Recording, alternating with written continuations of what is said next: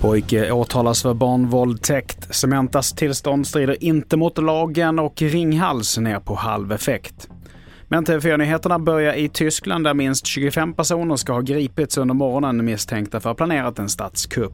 Det rapporterar tyska medier. Runt 3000 poliser ska ha deltagit i razzian mot ett högerextremt nätverk som ska ha planerat en väpnad attack mot förbundsdagen. Det här är nästan en högerextrem sekt och det här fallet då rör 25 av de personerna som ska ha planerat att med våld ta sig in i den tyska förbundsdagen, det tyska parlamentet och på så sätt starta en statskupp mot den tyska staten och mot Tyskland. Och reporter här var TV4s Jonas Källgren. Vidare till Malmö där en 15-årig pojke åtalas för våldtäkt mot barn efter att ha filmat när han hade sex med en 13-årig flicka på en skoltoalett. Det skriver Sydsvenskan. Flickan säger under förhör att hon var med frivilligt men visste inte att han filmade. Pojken åtalas även för olaga fotografering och olaga integritetsintrång och han ska även ha känt till flickans ålder. Och vi fortsätter med att Högsta förvaltningsdomstolen meddelar idag att Cementas tillfälliga tillstånd att bryta kalk på Gotland inte strider mot lagen, det rapporterar TT.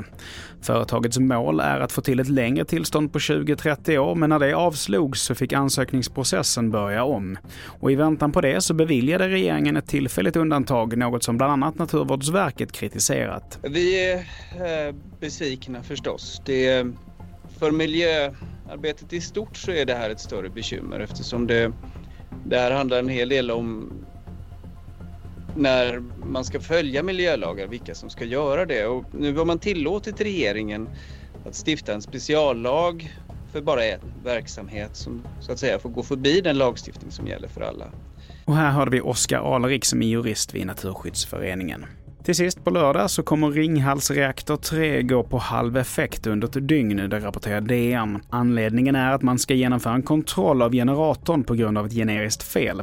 Den halverade effekten sker samtidigt som två andra reaktorer i det svenska kraftnätet inte är igång, vilket kan innebära ett ansträngt läge. Fler nyheter hittar du på tv4.se. Jag heter Mattias Nordgren.